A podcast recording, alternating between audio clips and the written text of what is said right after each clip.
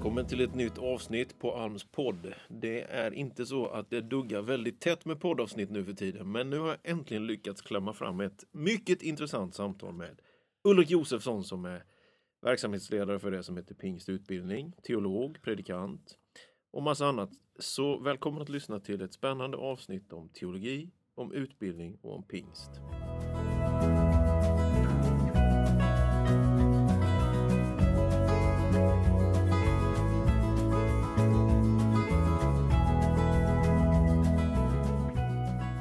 Ulrik, välkommen till min podd. Tack ska du ha. Kan du inte berätta för våra lyssnare lite, vem är Ulrik Josefsson? Ja, det är ju en stor fråga, men eh, kort sammanfattning. En eh, 53-årig man gift med Karina, tre söner, ett extra barn, en afghansk kille, eh, uppvuxen i Stockholm, missionärsbarn i Bolivia.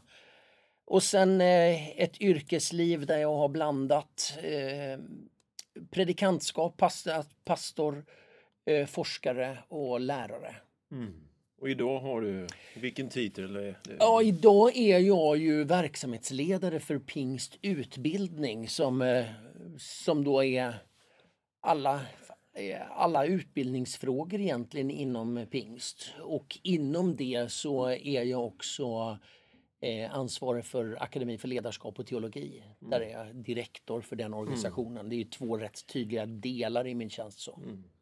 Så det finns, vi kommer säkert in på det lite mer sen, men det finns ju fyra fast nu plus en, fem folkhögskolor plus Akademi för ledarskap och teologi. Ja, så. Rätt så stort område du ansvarar för. Viktiga men- verksamheter. Så är det. Ja. Men det är klart du börjar med vem är Ulrik och då är ja, det där är ju, är jag läraren? Ja. Är jag forskaren? Ja. Är jag organisatören och liksom så här ledaren? Ja, det är jag. Men jag tror nog att min grundidentitet, om jag liksom skulle skala bort så är det nog liksom pastor och predikant som jag är i första hand. Det, ja, så är det nog. ja, det är bra. Du, jag är ju eh, intresserad av begreppet, verkligheten, innehållet, pingstteologi. Och innan vi kommer dit så kan man väl börja med att definiera vad är teologi? För jag tänkte vi skulle prata lite om teologi, teologins koppling till församlingen, teologins koppling till akademin kanske. Eh, man börjar med läran om Gud såklart, men vad skulle vara din definition av begreppet teologi? Vi tar pingst sen. Ja, men, eh, då, då är det ju som du säger, rent ordmässigt så är det ju läran om Gud. Eh, alltså hur vi tänker om Gud, hur vi tänker om de saker som har med Gud att göra. Jesus, anden, församlingen och alla de här olika fälten. Eh, jag tänker ju att lära, när vi säger läran om Gud, då tänker vi så att här är ett dokument, här är en bok, här är någon som har suttit och tänkt och skrivit. Och det tror jag för tanken fel. Eh, därför lära idag blir så teoretiskt. Mm. Eh, teologi eh, teologi har inbäddat i sig en, en dimension utav erfarenhet. Och de gamla, i, tidigare i kyrkan, så, eh, så talar de om att den är en god teolog som ber. Alltså, eh, att, att veta någonting om Gud är inte i första hand någonting man läser sig till, även om det har sin betydelse. Utan läran om Gud är också erfarenhetsbaserad. Och därför tänker jag att teologi handlar om att träna sig att sätta ord på mötet med, med den levande guden. Som vi lovsjunger och ber så tror vi. Så du kopplar teologin till Ja. uttrycket också av kristen tro. Men innebär det då att teologin är oskiljaktig från kyrkan? Eller kan, samtidigt måste den väl få vara lite fri också? Jo, men det, jag tänker att eh, teologin är en... Teologer och teologin är en tydlig inbäddad del av kyrkan. Men den, den står också... Alltså teologin är ju både, är både ett resultat av kyrkan och ett korrektiv till kyrkan. Alltså, eh, jag tänker mig inte att de goda teologerna är de som sitter isolerade på en, på en akademisk institution någonstans långt borta. Eh, även om där kan, man, där kan man verkligen i en, en god och kreativ miljö tänka och utveckla eh, både teorier och, och erfarenheter. Men, men det behöver vara en tydlig relation till kyrkan.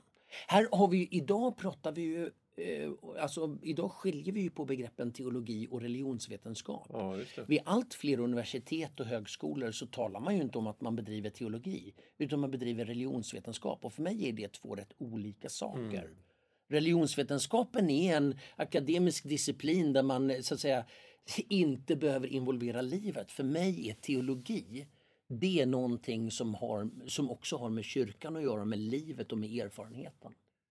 Skulle du också säga att det har med förkunnelsen att göra? Alltså, det är klart du säger, men, men alltså i betydelsen att förkunnelse, är förkunnarna teologer och är teologerna förkunnare eller finns det någon, eh, någon skillnad där? Jag tänker att alltså, om en förkunnelse inte är teologiskt reflekterad så blir den väl till slut lite ihålig och lite tunn kanske. Å andra sidan en teologi som bara är eh, kunskap som inte är rotad i en församlingsmylla. Och så, där. så det där spelet mellan förkunnelse och teologi, vad, vad tänker du där? Ja, men jag tänker så här att eh, alla troende är teologer i den meningen att man har uppfattningar, man har tankar, man reflekterar eh, omkring sin tro. Idkar man teologi om man ber en bön?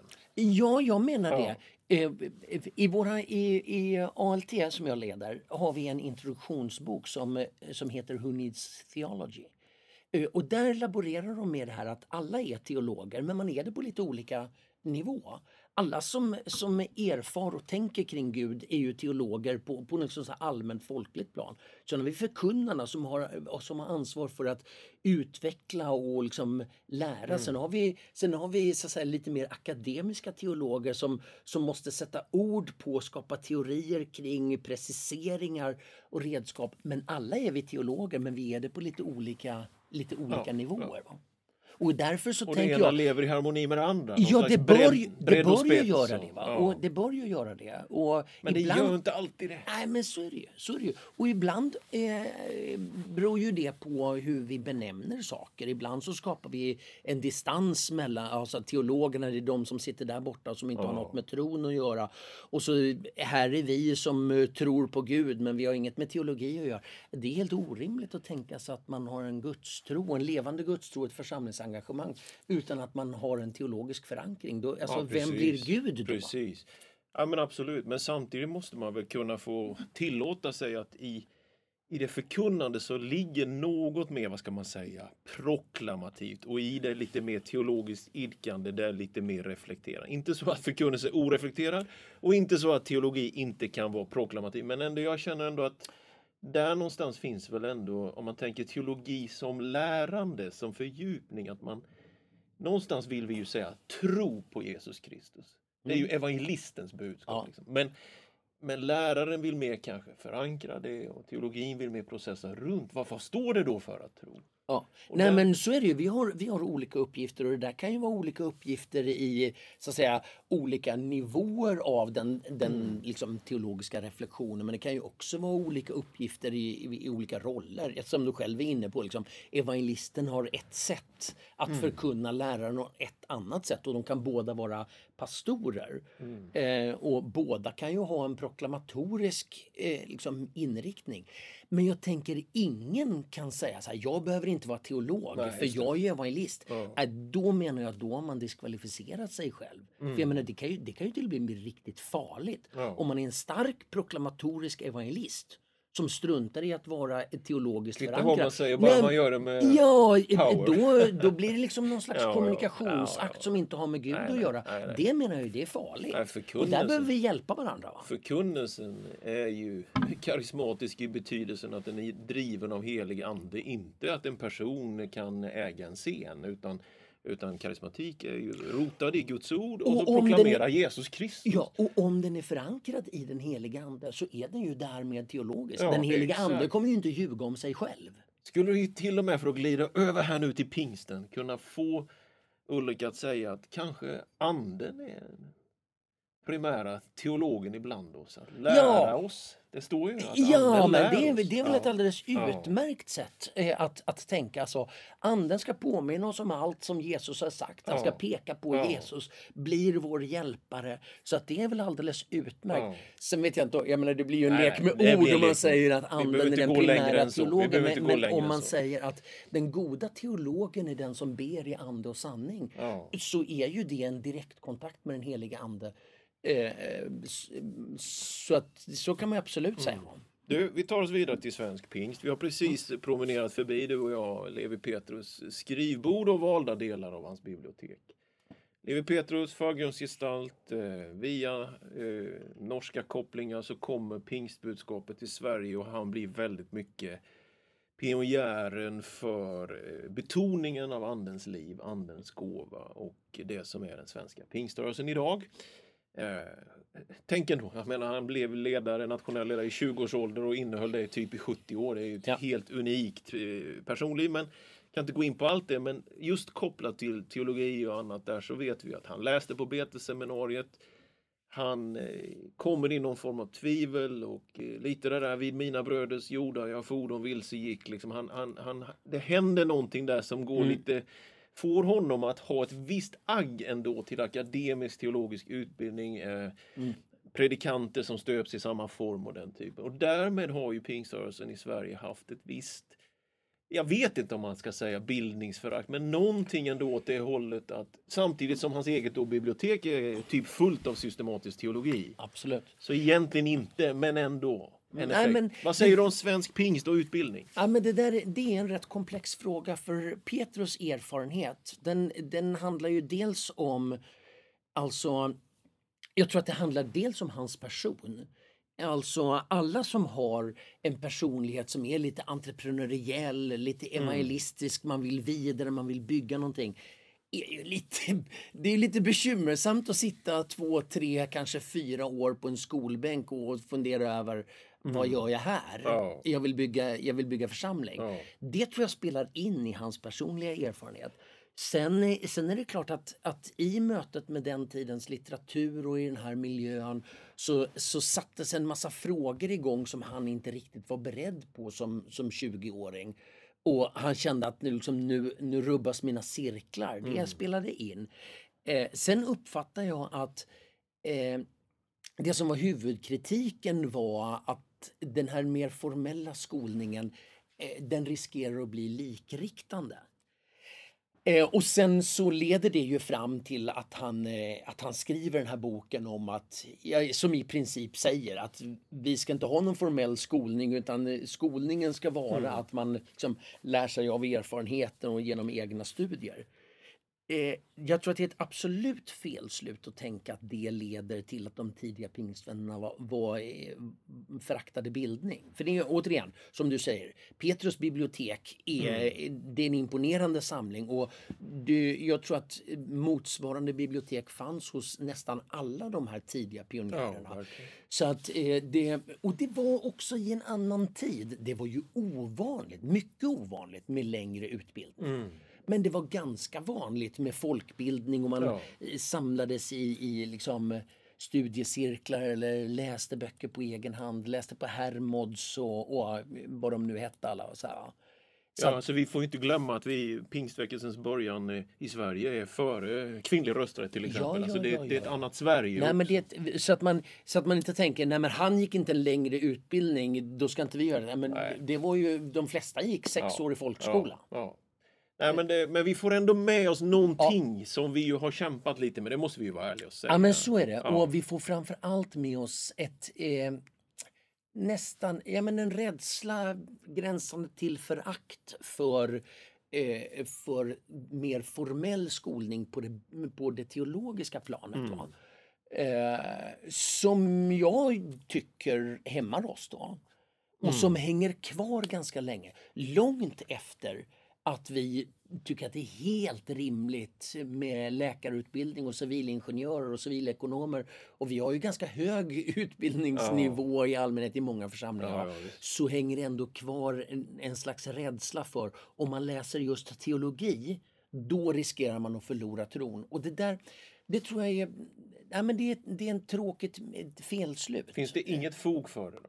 Jo, men det är klart att det finns om man, om man med teologi tänker. Teologi är en akademisk teoretisk disciplin som man läser på ett universitet genom att läsa böcker och skriva tentamina. Mm. Eh, men om teologi är, nu ska vi gå till djupet med vår förståelse av vem Gud är då är det ju omöjligt att tänka sig att teologi är något farligt eller Nej, dåligt. Det. Det, alltså, det. och då på... måste vi ju skapa miljöer som ger rum för den typen ja. av fördjupning. Och de får man inte bara genom att läsa böcker, men också genom att läsa böcker. Man får dem inte heller bara genom stormiga bönemöten, men också genom stormiga mm. bönemöten.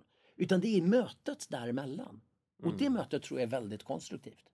Och idag är vi väl ändå i ett läge där vi, ja dels, annars skulle vi väl inte bedriva ALT till ja. exempel. Vi bedriver forskning, vi har ja. Institutet för pentekostala studier, det finns eh, pingstarkiv och forskning och framförallt då ALT. Alltså det är klart att idag ser vi det på ett annat sätt. Men det är också en, en samhällsomvandling på utbildningsnivå som har i viss mån också påverkat oss och det ställer krav som ju hjälper våra predikanter att vara mer uthålliga också tänker jag. Ska man stå i en församling uthålligt så kan du inte säga exakt varenda söndag, eh, det är härligt att vara kristen, det är härligt att, alltså, någonstans måste du gå vidare i din undervisning och man behöver en viss bredd. Sen är det mm. härligt att vara kristen.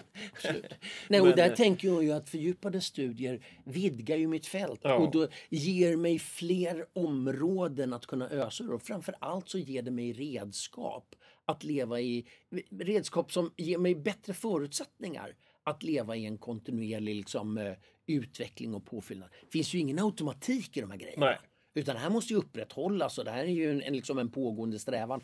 Men redskapen ger, eh, ger predikanter lite bättre redskap ja. att klara den resan. Ja. Men du, när vi, om vi kommer från någon slags svensk folkrörelsebakgrund, vi har ett baptistiskt arv, vi har det här helgesarvet, vi har får man väl säga ett visst mån av evangeliskt lutherskt arv någonstans präglar det. Men den primära ändå drivande faktorn bakom att vi finns är ju pingsterfarenheten, återupptäckten av Andens dop. Och därmed ställer jag frågan till dig. Det finns ju ändå något vi säger pingstteologi. Det här begreppet som i varje fall internationellt expanderar väldigt eh, i skrivande och närvaro i akademiska miljöer och sådär så ser man ju att det är en stor eh, växande företeelse ändå. Vad skulle vara din definition av när man säger pingstteologi? Ja, men då skulle jag säga några eh, saker. Det första är eh, den bygger på en medveten väckelsekristendom. Alltså den enskilda människan behöver göra det personliga mötet med Jesus och omvända sig och ta emot syndernas förlåtelse. Alltså klassisk väckelsekristendom. Det är inbäddat och därmed så är det i väldigt hög grad Jesusfokuserat. Alltså eh, Jesus är första, alltså Jesus är andra personen i, liksom, i så teologisk mening. Men, men i, i vår i pingstteologin så blir det väldigt Jesusfokuserat. Det är den första. Den andra är eh, pingstteologi bygger på en hög tilltro till Bibeln, Bibelns tillförlitlighet, Bibelns auktoritet, de bibliska texterna och att leva i den bibliska berättelsen, inte som ett studieobjekt eller som, utan det är den världen mm. eh, som, som man lever i. Det tredje är ju en stor tilltro till Guds aktiva medverkan i våra, i våra liv här och nu. Genom andliga erfarenheter och genom, att an, genom Andens inneboende i oss så verkar också så att säga, gudomlig kraft eller karismatiskt liv eller hur du nu vill ja. uttrycka det ja. genom, genom den karismatiskt påfyllda människan. Och det fjärde är i regel så handlar, eh, så bygger pingstteologi på eh, den lokala församlingens, så att säga, inte suveränitet nödvändigtvis, men kraften i den lokala församlingen. Utifrån att, uppdrag? Ja, alltså att varje enskild medlem i församlingen är en pånyttfödd aktiv mm. del alla kan Höra Guds röst. Alla kan höra alla Guds kan röst. Alla ja. är lärjungar. Ja. Alla är medbyggare till det här ja. Gudsriket. Mm. Där någonstans skulle jag, skulle jag liksom, i det fältet. Va?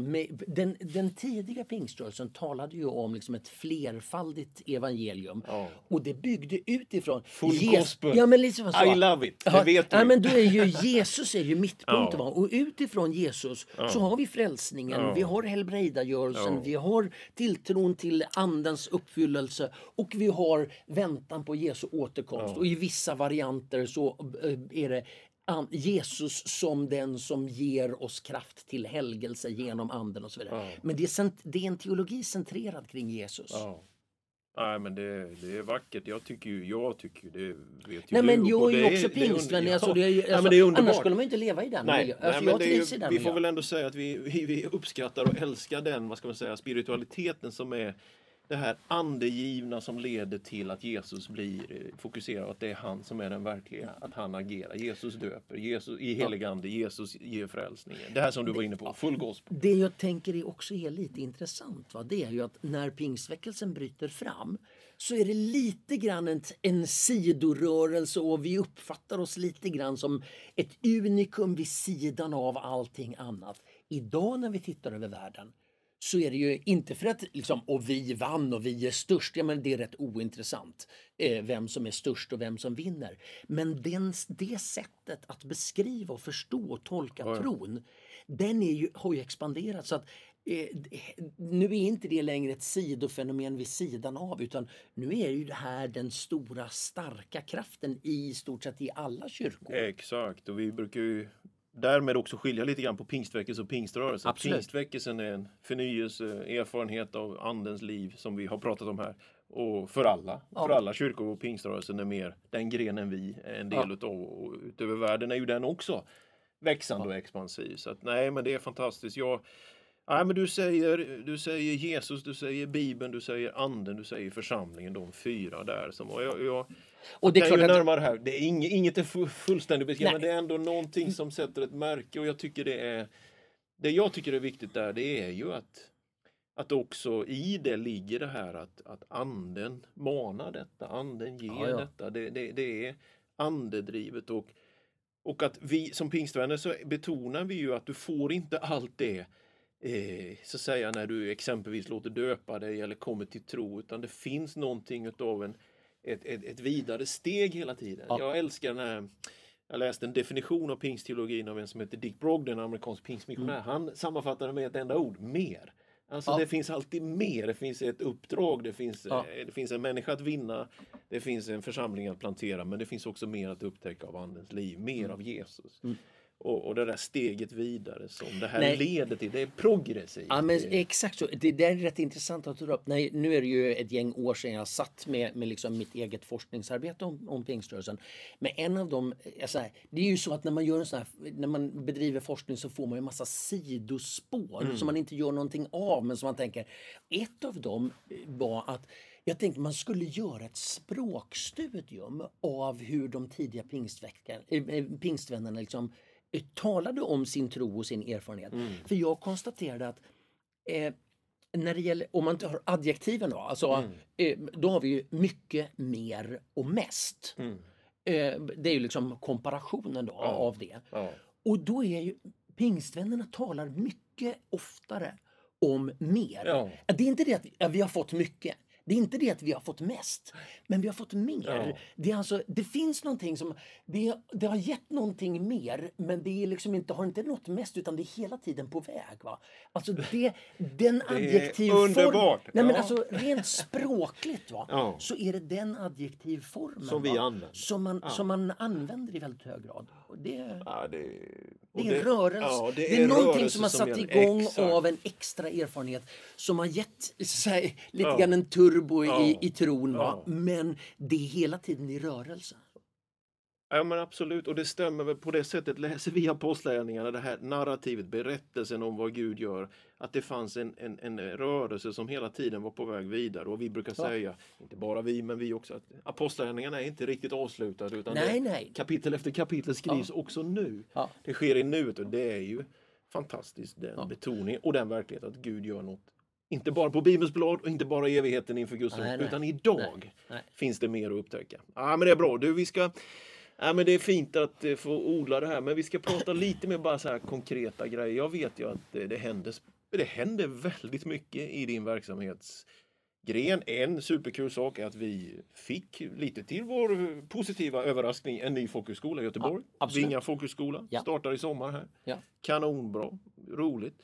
En annan sak är att vi har gjort ett stort omtåg om bibelskolor inom pingströrelsen. Ja. Berätta lite om, ja kanske Vinga om du vill, men framförallt bibelskolor nej, också. men när det gäller Vinga så är det så här, folkhögskolan har ju i det svenska samhällsbygget fått en utökad roll. Och vi har väl varit alltså, lite på tårna och vi, vi, vi ser att här kan vi faktiskt vara med och göra en viktig, eh, göra en viktig samhällsinsats. Vi tror att med vår utgångspunkt baserad i tron så kan vi vara med och bygga det goda samhället och där tänker jag att folkhögskolan är ett viktigt redskap. Så det, det gäller ju hela vårt folkhögskolearbete. Jag tänker inte att vi bedriver folkhögskola eh, för att få möjlighet att göra bibelskola. For, alltså hela Nej, ja. folkhögskolans bredd Folkbildning är jätteviktig Ja, ja, och ett väldigt, väldigt bra redskap. Eh, så att det är vi väldigt glada över att, att ha fått det förtroendet Mm. och, och utöka det mandatet och, och så. Eh, när det gäller bibelskolorna så, så är ju, nej men det är också väldigt roligt. Vi har ju bedrivit bibelskolearbete. Det var ju en av de första sakerna som, som vi började göra tillsammans. 1915 så startade man en, en bibelskola i Stockholm Eh, Och sen ganska snabbt så började man samordna det där till lite regionala kurser och så vidare. Och så har vi ju hållit på. Eh, Den nuvarande bibelskolestrukturen tog ju egentligen väldigt hög grad sin form i början på 80-talet. När vi byggde, gjorde bibelskolor i, i Göteborg, Stockholm, Jönköping, Malmö, Luleå och, och Linköping. Alltså vi skapade en sån här struktur. Eh, och den där har vi ju nu då tagit ett steg uppgraderat. Så att vi, vi startar ju en ny typ av bibelskola i Stockholm och Göteborg där vi liksom gör en gemensam del och sen så har man lite olika profiler i lite olika församlingsmiljöer. Och det känns väldigt bra. De flesta församlingar i de här regionerna är med och jag tänker att det är bra också att vi gör grejer ihop. Alltså vi behöver, vi behöver värna så att den lokala församlingens initiativ och, och vi behöver värna lite olika uttryck. Vi är inte en strömlinjeformad, vi har lite olika uttryck i vår rörelse. Det är bra. Men vi har också en huvuddel som är gemensam bas och det behöver vi träna oss att, att också göra grejer ihop. Va? Så i Stockholm och Göteborg så tar vi nytag kring de bibelskolor vi tidigare har gjort och breddar det. Sen startar vi en ny bibelskola i Umeå. Det är vi jätteglada för att vi får till en i Norrland. Jag tror att det är viktigt eh, av många skäl.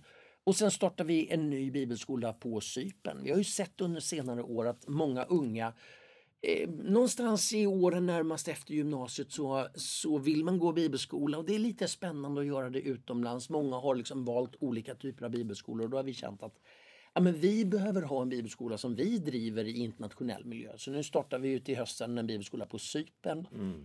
Eh, som är en bibelskola, det är inte en missionsskola, men den lever i missionsmiljö och vi räknar med att kunna ha ett inflöde av europeiska grupper som kommer dit, göra någon resa till, eh, till kanske till Egypten eller så. Det är närheten från Cypern till Israel gör att en Israelresa är lämplig och så vidare. Så att det där tror vi är, oj, Ja, det, det är där ju tror vi är, jättebra. ja men det är roligt faktiskt. Ja, det är Eh, väldigt, väldigt roligt. Jag är ju så glad både för ska man säga, kvaliteten och kvantiteten i det här. Att, att du och jag har varit involverade i det också, men framförallt har ju du jobbat med det. Just att vi har skapat en gemensam plattform. Vi har skrivit ett, ett slags grunddokument för Mm. Pingströrelsens bibelskolor där vi ju dels är inne på det här som vi var inne på innan. Med vad är pingst? Vad står det för? Vad, vilken ton vill vi ha? Och, och det finns en, eh, en, en, en positiv liksom, samling där som inte ska ta död på de lokala initiativen men ändå ha den här gemensamma basen och sen då själva utbudet att det faktiskt Mm. växer nu duktigt. Så att det är ju jätteroligt. Vad säger man? Vi vill ju ha in ansökningar Nej, till men, ja. ALT och bibelskolor. Nej, alltså, vad ska man göra? Nej men man ska ju anmäla sig. Man kan gå in på till exempel gåbibelskola.nu som är en sån här portalsida där, där vi slussar vidare till alla de här olika kurserna vi har då. Eh, jag ser ju framför mig att vi behöver, vi behöver återskapa den här liksom, självklarheten att ta ett år på bibelskola. Eh, huvudbasen i, den, i lärjungaträningen den måste ju ligga i den lokala församlingen. Det är en livslång process. Men idag ser verkligheten ut så att vi får ju inte så mycket hjälp någon annanstans ifrån. Ett par generationer tillbaka så skötte skolvärld, alltså det vanliga allmänna ja. skolväsendet mycket av Bibeln. Och... Nej men det mm. finns ju inte alls Nej. idag. Va? Så att vi behöver ta lite större egenansvar där och då, jag, jag önskar ju att vi kan återskapa en, en så självklar mentalitet för unga människor. Klart man ska ta ett år på bibelskola. Frågan är liksom inte om du ska gå på bibelskola utan vilken ska du gå ja. på eller när ska du gå? Den frågan. Och där behöver vi hjälpas åt. Eh, vi som är vuxna och har eh, barn på väg in i, i vuxenvärlden. För oss handlar det ju om att liksom, locka, utmana och motivera. Och för ungdomsledare och pastorer handlar det om att tala om detta. Och för mm. unga människor handlar det om att göra sin, så att säga, sitt karriärsval utifrån att man man också lägger en sån grund. Och jag tänker det här är inte bara för dem som brinner för att kanske bli pastorer, verkligen inte. Nej. Ska du bli en duktig jurist? Ja, gå bibelskola. Ska du bli en duktig lagerarbetare, ja. gå bibelskola. Ska du, ska du liksom fördjupa din, ditt liv, ja, men klart ska du leva ett aktivt församlingsliv, men gå också bibelskola ja. för det liksom lägger en grund. Va? Ja, men jättebra. Det där får bli slutorden, den konkreta utmaningen mm. att läsa och studera Bibeln. Tack för ett gott samtal om teologi, Tack själv. Tack själv. pingstteologi och det vi bedriver inom pingst. Tack Ulrik.